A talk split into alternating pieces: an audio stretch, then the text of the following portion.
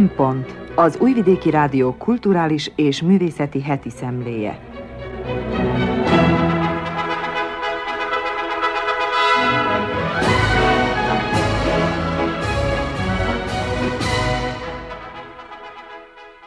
Jó napot kívánok! Köszöntöm az Újvidéki Rádió hallgatóit. A mikrofonnál Krnács Erika, a Szempont mai szerkesztője. Egy kis ízelítő kínálatunkból. Lozsoncalpár egyenlőtlenségek által megosztott latin-amerikai társadalmak állapotáról elmélkedik. Grui Zsuzsa azt boncolgatja, mit remélnek és mit kapnak a fiatalok az elvándorlással. Nem élhetek muzsikaszó nélkül. Csík Mónika a Szabadkai Népszínház legújabb bemutatójával foglalkozik.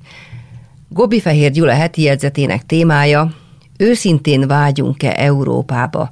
Megteszünk-e minden tőlünk telhetőt a csatlakozás érdekében? Tartsanak velünk!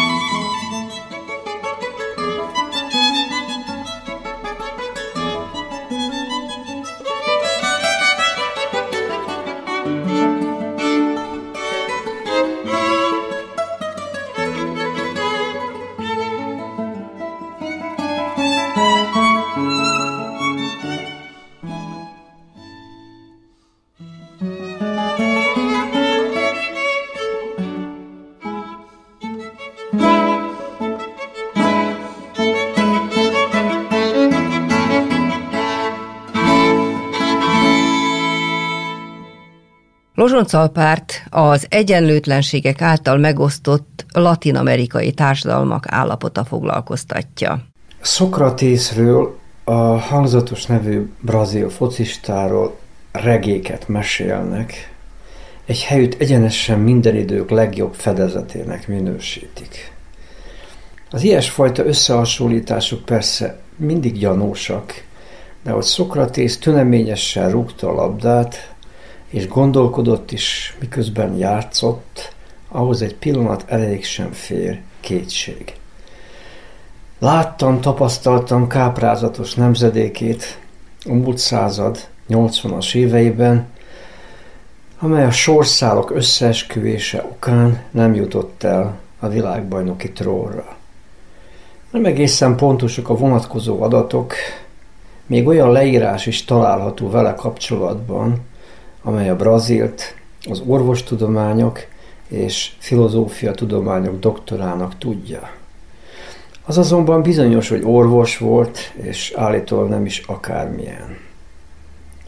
És elkötelezett baloldali volt, amikor a profi karrier útjait követő foci társaihoz hasonlóan eljutott Olaszországba, azt a kérdést tették fel neki, hogy vajon mit gondol, Macóla vagy Rivera jelesebb játékos, Szokratész visszadobta a kérdést, ez őt nem érdekli, ő azért jött Olaszországba, hogy eredetiben olvassa Gramsci-t, a marxizmusnak nevezett irányulás egyik legfontosabb alakját. Már most Szokratész immáron több mint tíz éve halott, ám azon töprengek, hogy mennyire töltenie el elégedettséggel a minap befejeződött brazíliai választás eredménye, amelyen a várakozásoknak megfelelően Lulának a latinamerikai baloldal egyik legerőteljesebb képviselőjének jutott babér. Brazília az irdatlan messzesség ellenére folytonosan érdeklődést kelt. Nem csak területi nagysága, hanem vagy 215 millió lakosa okán, noha már a pőre számadatokból adódó relevancia is figyelmet igényel.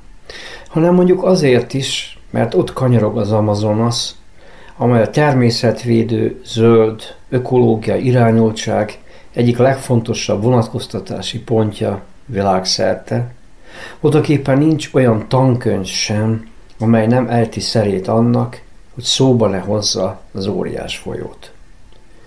A világ tüdejének minősített víz rengeteget kontextusával, az indiánokkal egyetemben veszélye kövezik, tudjuk ezt már régóta, a mezőgazdasági erőforrás kiaknázó kapitalizmus ágensei kiméletlenül kizsákmányolták az utóbbi néhány évtizedben. Itt sokan gondolják úgy, hogy ott dől el a világ megmenthetőségének kérdése. Ám Brazília társadalmi praxis különös terepe is. Korábban, így a 60-as években, mint a kontinens egyéb országaiban is, véreskezű tábornokok ragadták magukhoz a hatalmat, akik aztán kemény, erőszakittasult, antikommunista érzülettel uralkodtak, és mindenek előtt élvezték az észak-amerikai hatalmi rétegek bizalmát.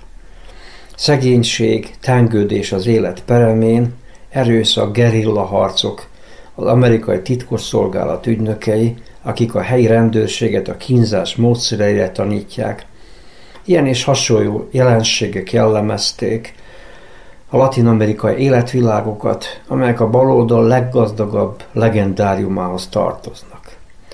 Amerika persze mindig hatalmi vadászterületként kezelte Latin-Amerikát, és bármennyire is másfajta időket jegyzünk, ezen viszonyulás elemei visszaköszönnek még ma is.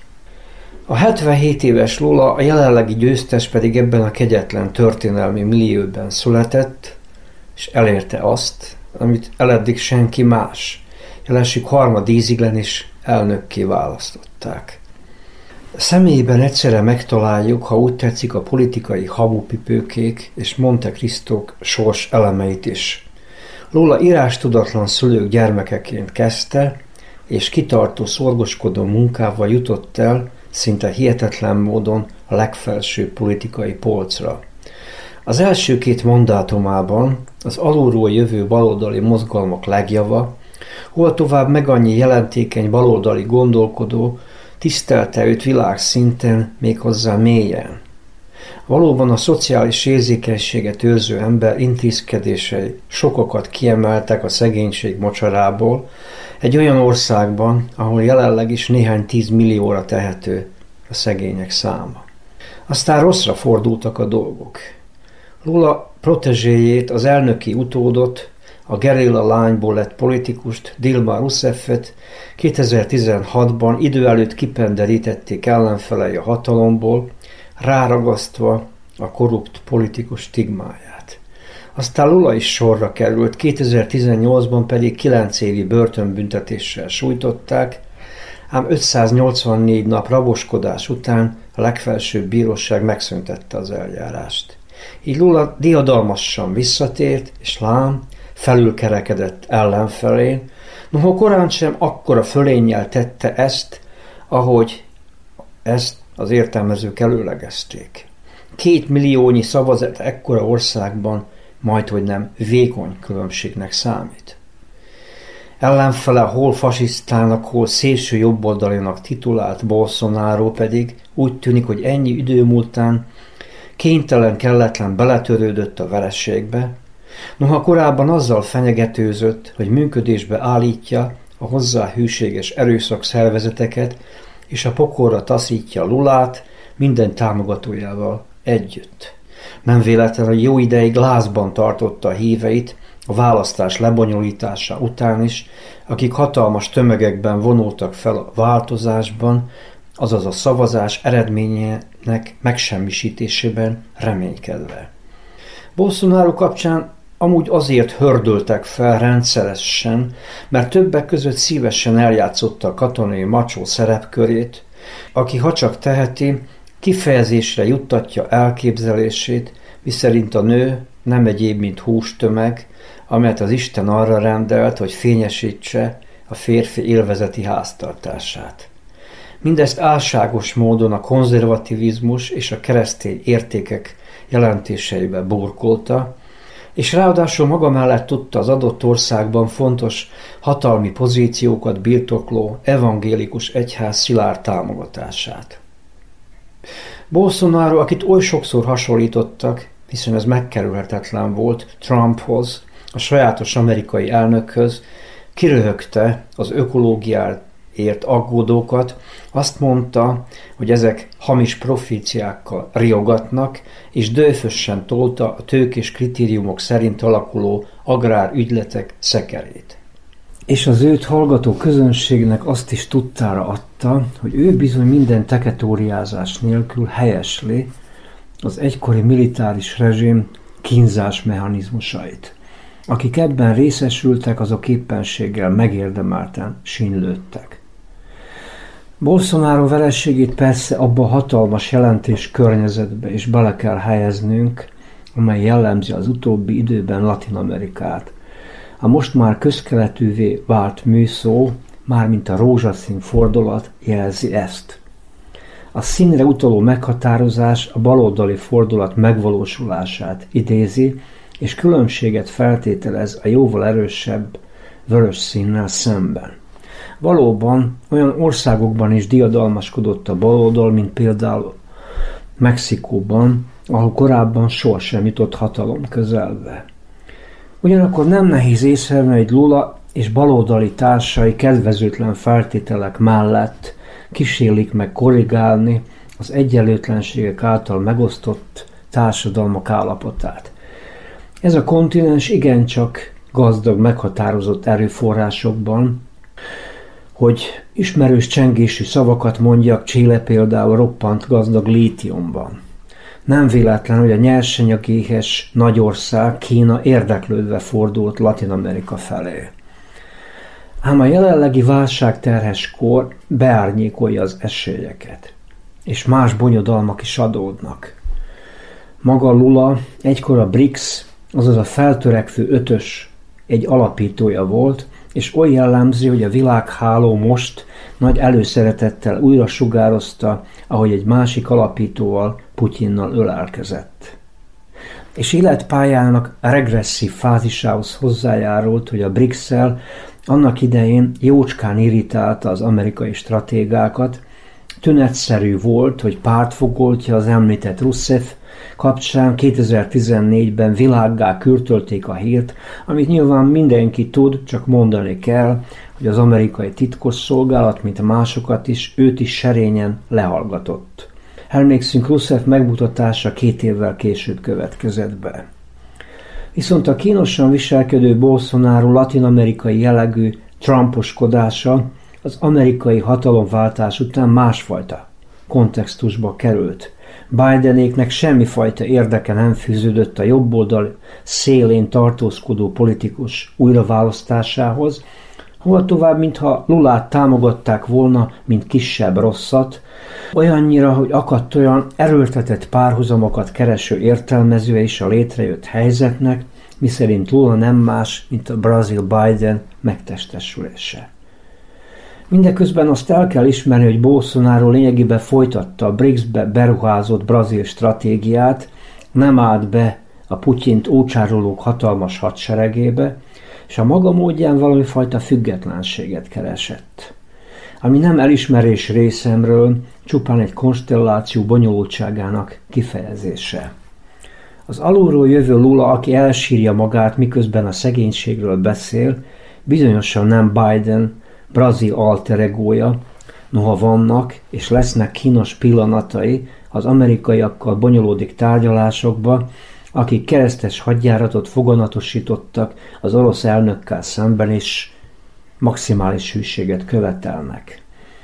Ezen kívül az is megfelel a valóságnak, hogy a baloldal szentjeként ünnepelt és rapszít levető ember sem egykor, sem ma nem képes megfelelni maradéktalanul azoknak az igényeknek, amelyeket a radikális baloldal támaszt irányában hiszen felévelésének korszakában is csupán a neoliberalizmus finomítására futott az erőből, pontosabban ötvöznie kellett a neoliberalizációt és a szegénység lebírását, ami iszonyatos feszültséget eredményezett politikájában. Ma is ellenséges környezet veszi körül, lett légyen az a kongresszus vagy a szenátus. És a körülményekhez odaláncolt Lula az Amazonas megmentését ígérte, de már korábban sem tudott igazán mit kezdeni az ellenérdekelt agrártőkével.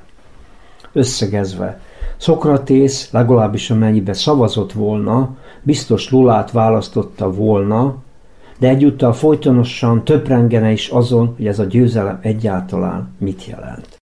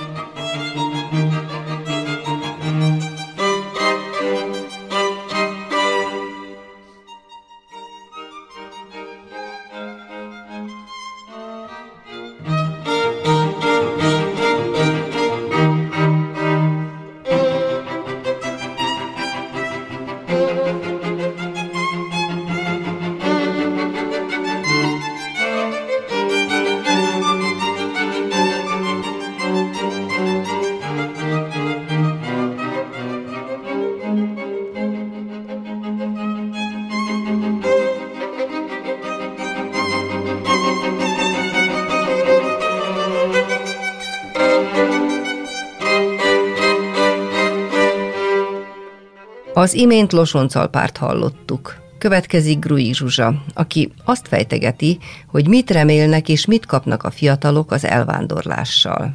Az elvándorlásról. Az elvándorlás olyannyira szerves részét képezi a mindennapi valóságunknak, hogy már meg sem lepődünk, ha azt halljuk, hogy a fiatalok fele külföldön képzeli el a jövőjét, vagy ha újabb szomszédunk, rokonunk, barátunk vág neki az ismeretlennek a jobb élet reményében.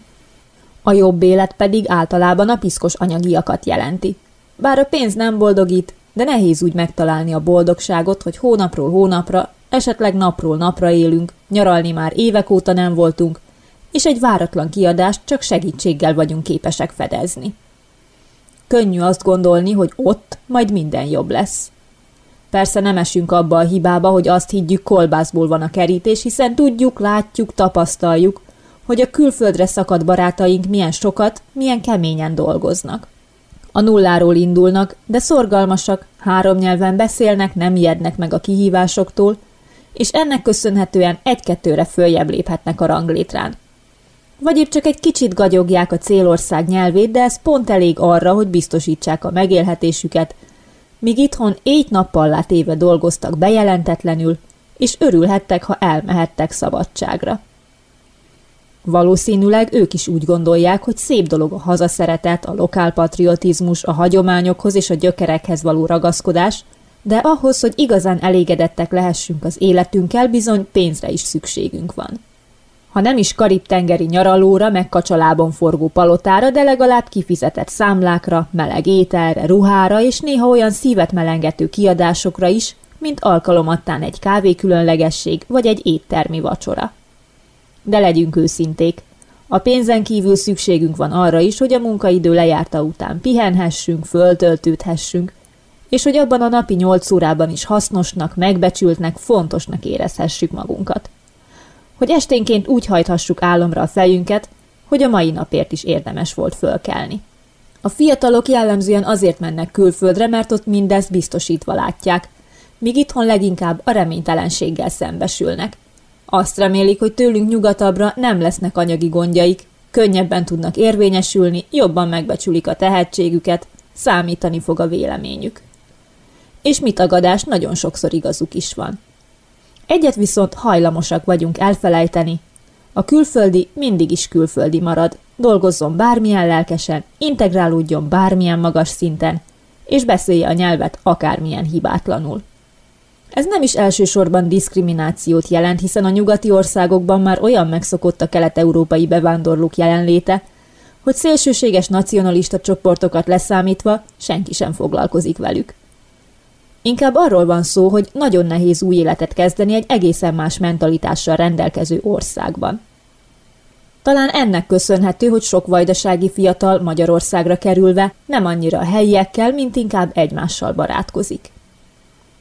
Fontos azt megérteni, hogy aki külföldre költözik, az ezt nem azért teszi, hogy itthon még kevesebben maradjunk. Ez egy személyes, sokféle okból meghozható, de mindig nagyon súlyos döntés. Hiszen nem csak azzal jár, hogy holnaptól máshova fizetek adót, más nyelven beszélek, és könnyebben jobban élhetek. A költözés, főleg ha az elhatározás örökre szól, a lehetőségek kinyílása mellett egy nagyon komoly veszteségélményt is jelent – Mehetünk mi külföldre a több pénzért, a jobb munkakörülményekért, a tisztességes megélhetésért, vagy akár csak azért, mert nagyon tetszik nekünk az adott kultúra. Az eddigi életünket mindenféleképpen hátra kell hagyni. A családot, a barátokat, a tiszaparti sétákat, a kedvenc sarki kávézónkat is. És ez bizony veszteség. Ezzel pedig jó tisztában lenni, és nem a tudatalattink mélyére száműzni az ezzel kapcsolatos érzéseinket, hanem szembenézni velük, meggyászolni a veszteséget és erős érzelmi alapokra építeni a külföldi boldogságot.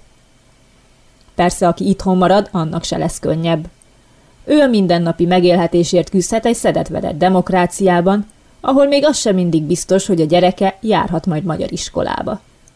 Eközben szinte naponta hallja, hogy gyere te is külföldre, és maga sem feltétlenül tudja megmagyarázni, hogy miért marad mégis, minden nehézség ellenére. A veszteségélmény itt is megjelenhet. Lehet, hogy meg kell gyászolnunk azt az életet, azt a jólétet, amit elképzeltünk magunknak, mert csak így tudunk keserűség nélkül itthon maradni. Valójában nincs jó meg rossz választás. Csak választás van, és a döntésünkkel elsősorban saját magunknak kell megfelelnünk, hiszen akármerre is indulunk, a következményeket mi magunk viseljük.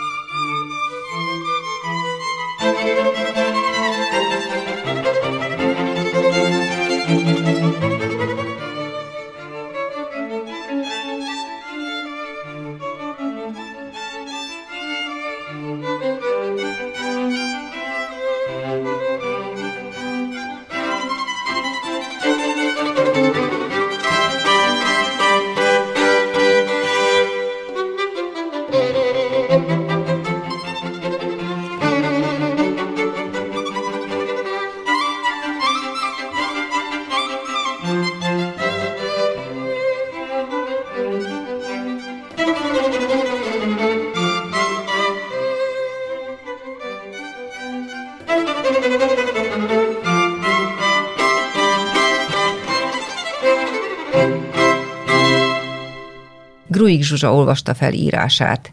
Csik Mónika a Szabadkai Népszínház legújabb bemutatójáról ír. Nem élhetek muzsikaszó nélkül. Kiviseli a nadrágot. Moritz Zsigmond Nem élhetek muzsikaszó nélkül. A Szabadkai Népszínház magyar társulatának zenés vígjátéka.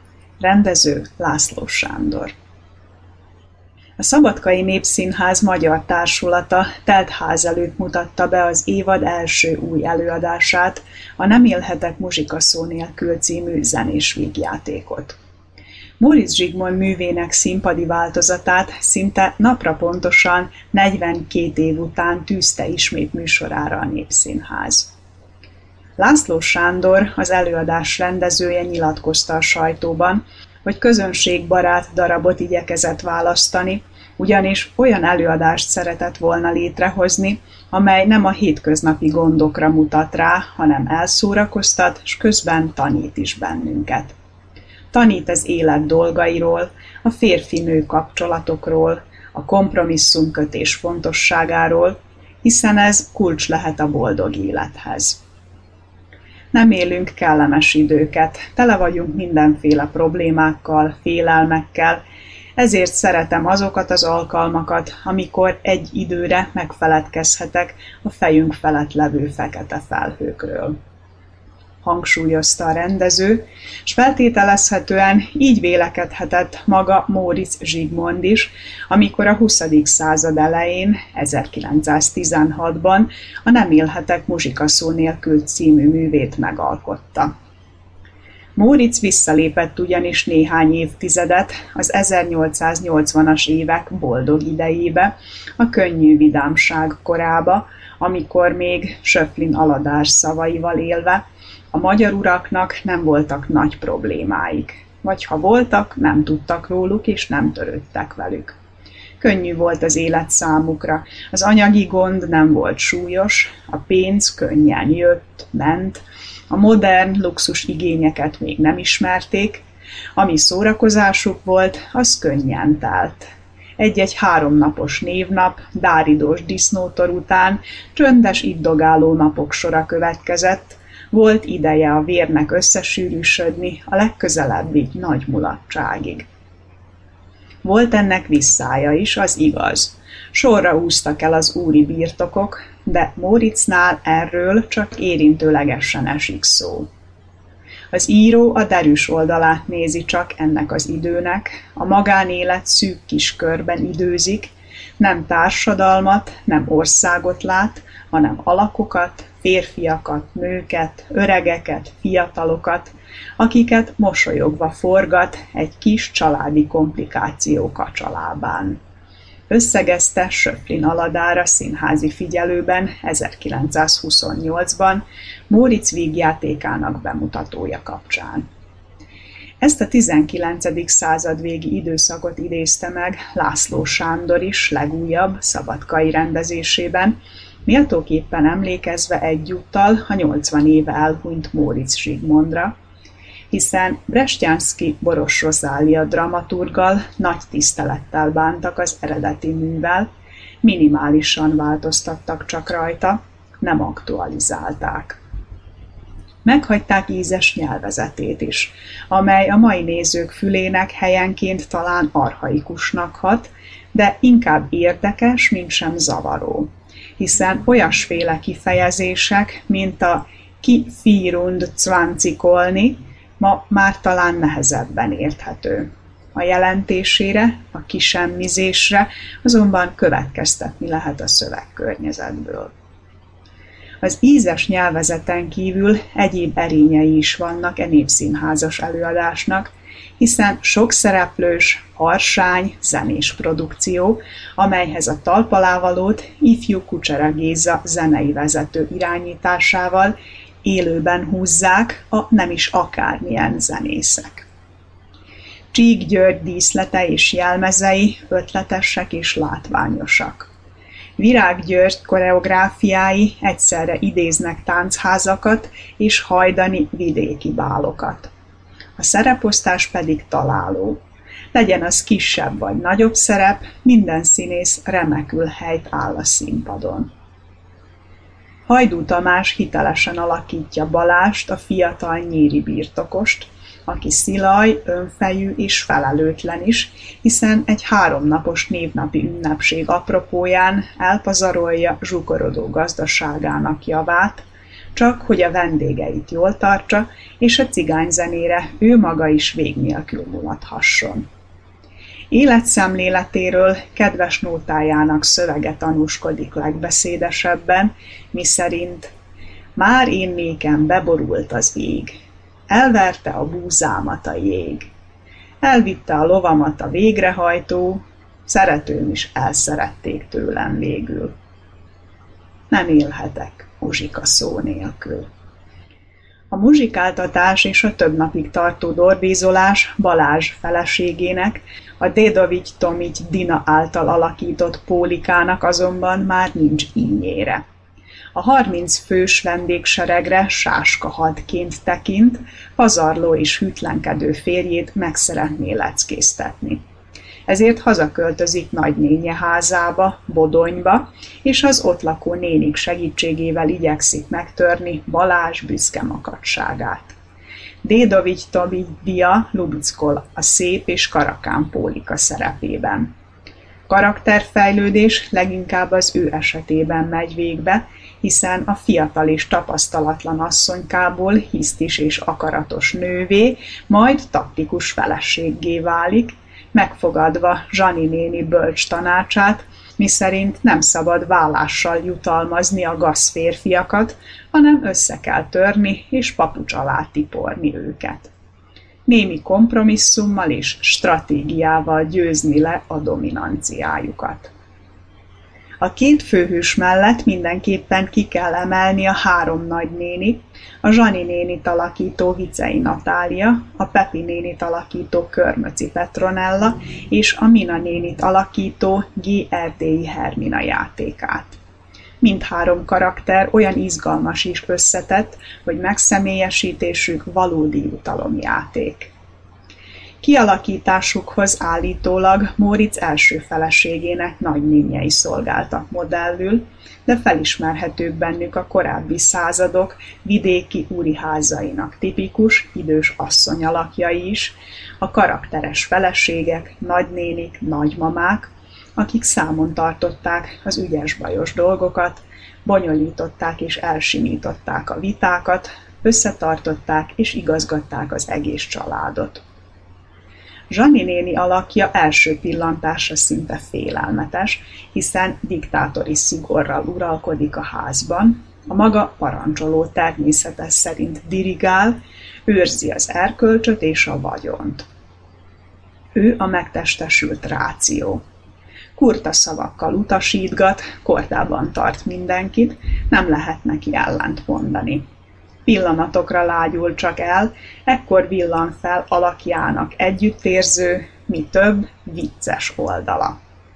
Vicei Natália finom eleganciával jeleníti meg, játéka színes és energikus. Ő az előadás központi figurája.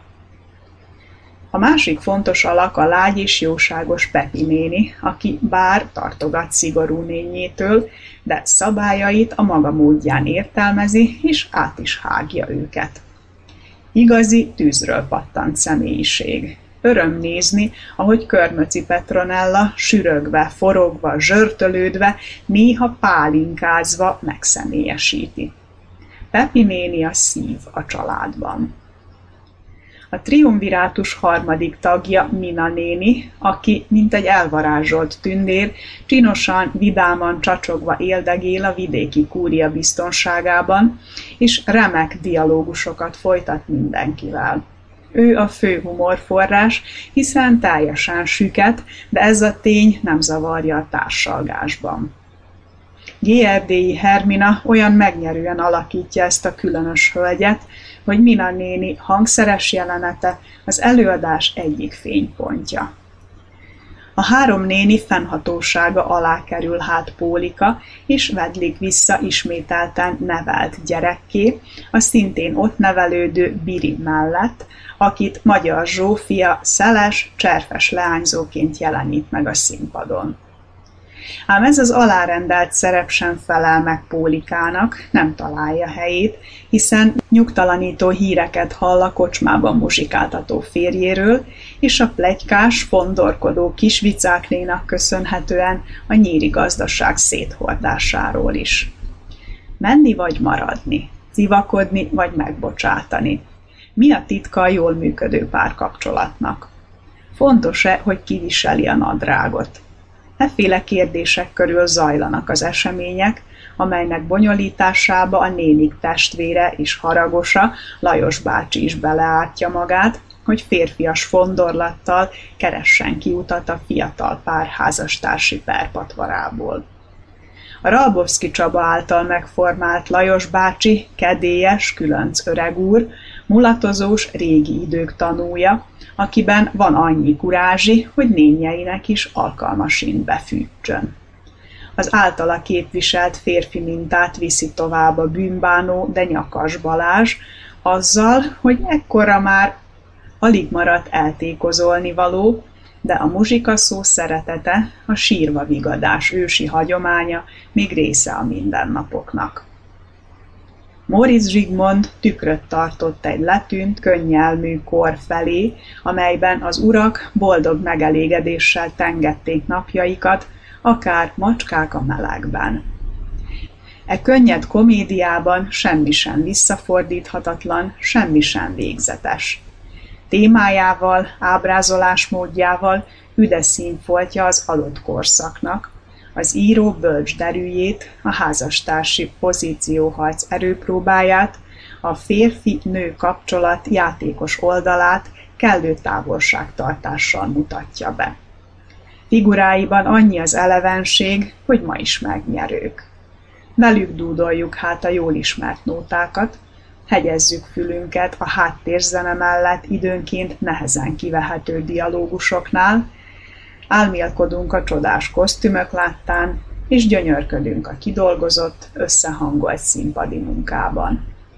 A nem élhetek muzsika szó nélkül, közönség darab, a javából.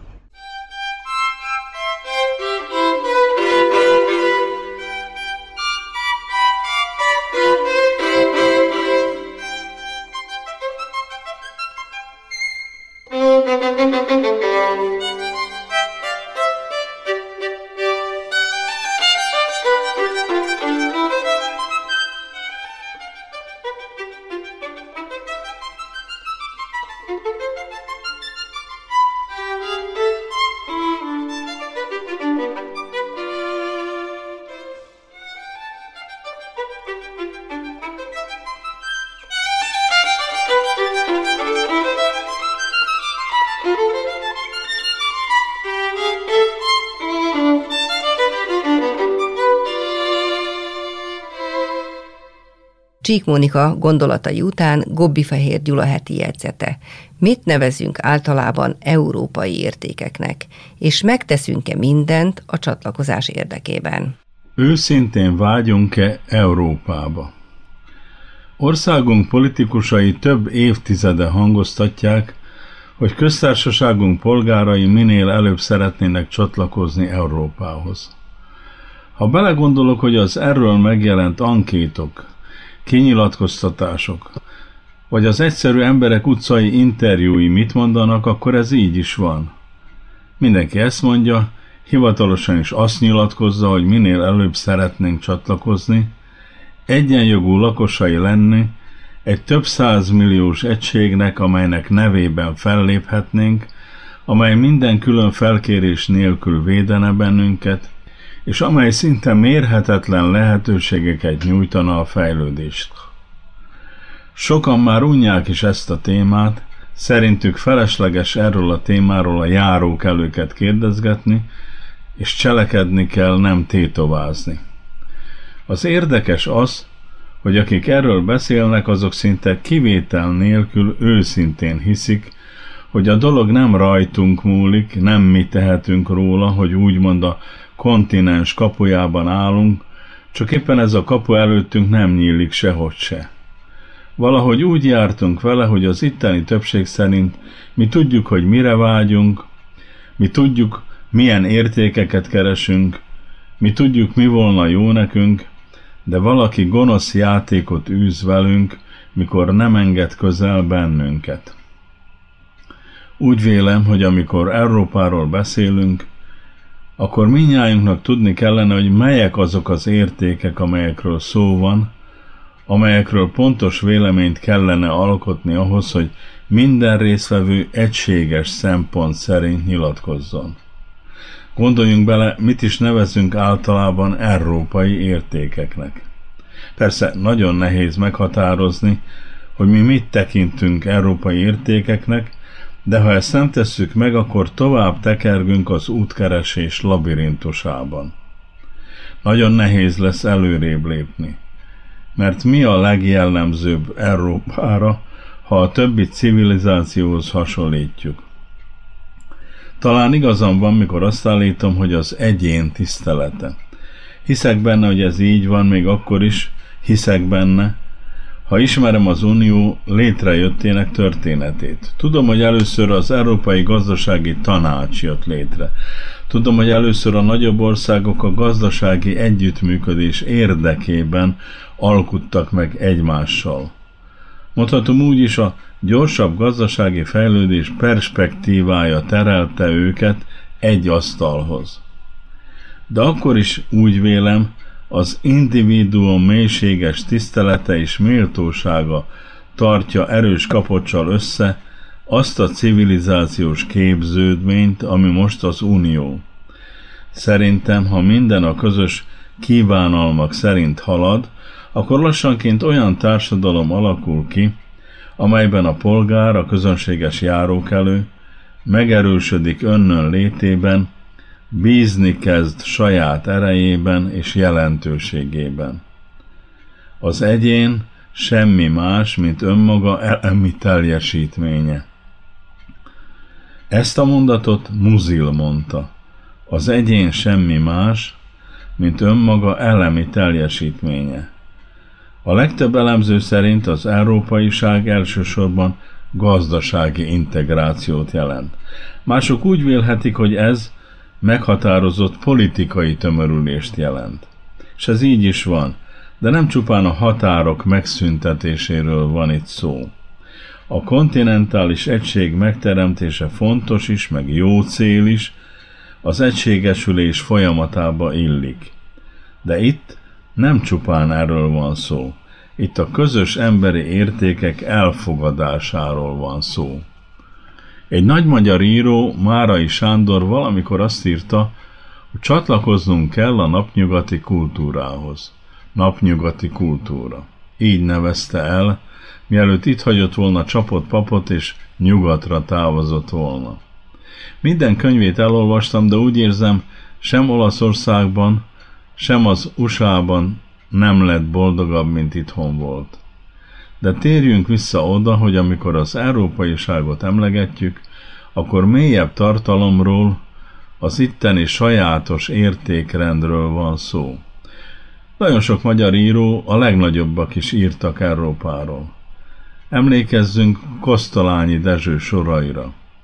Európa, te szent, te magasztos, a lelkek nevelője.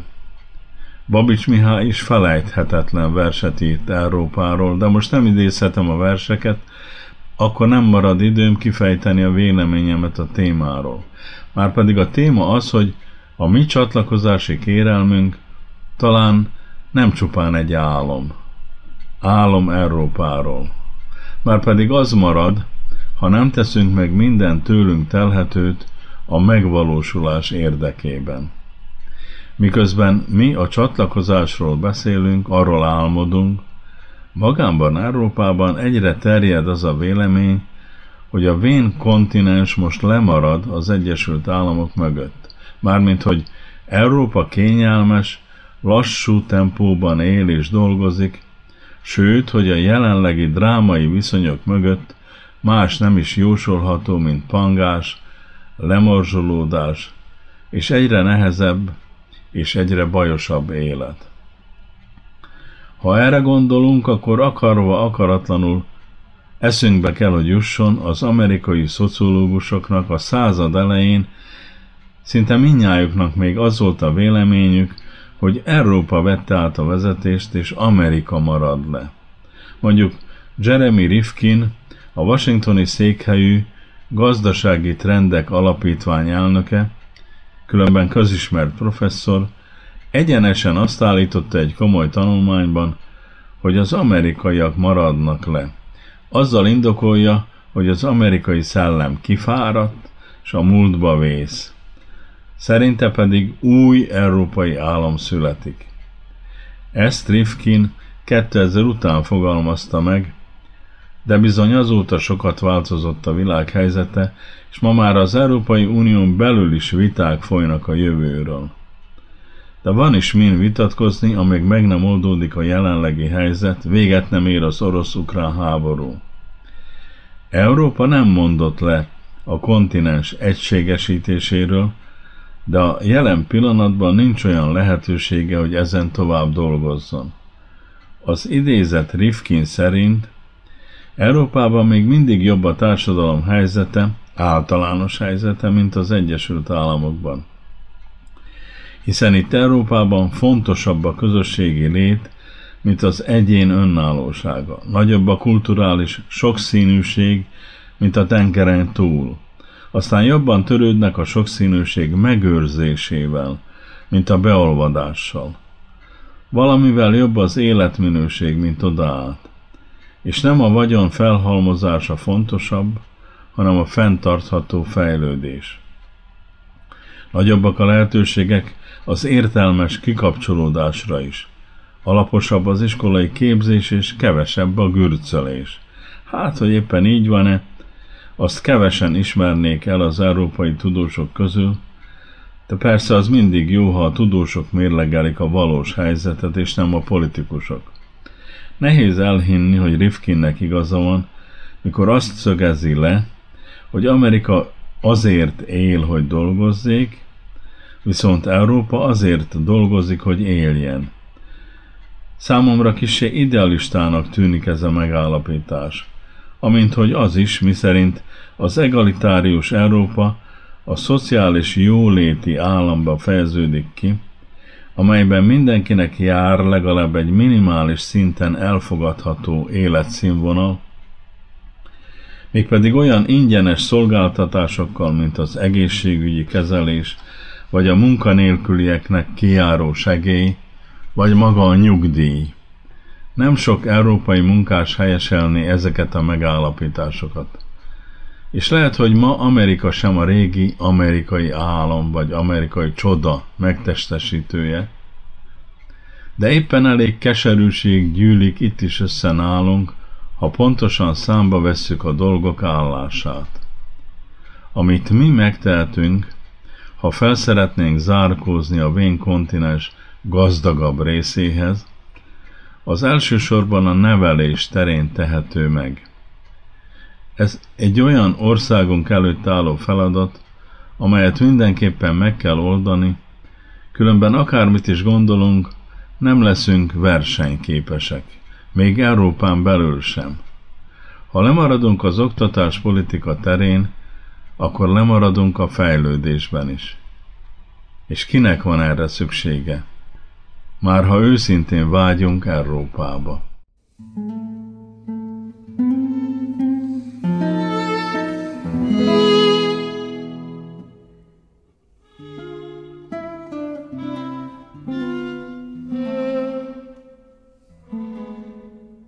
Kedves hallgatóink, Gobbi Fehér Gyula heti jegyzetével véget ért az Újvidéki Rádió művelődési és művészeti heti szemléje.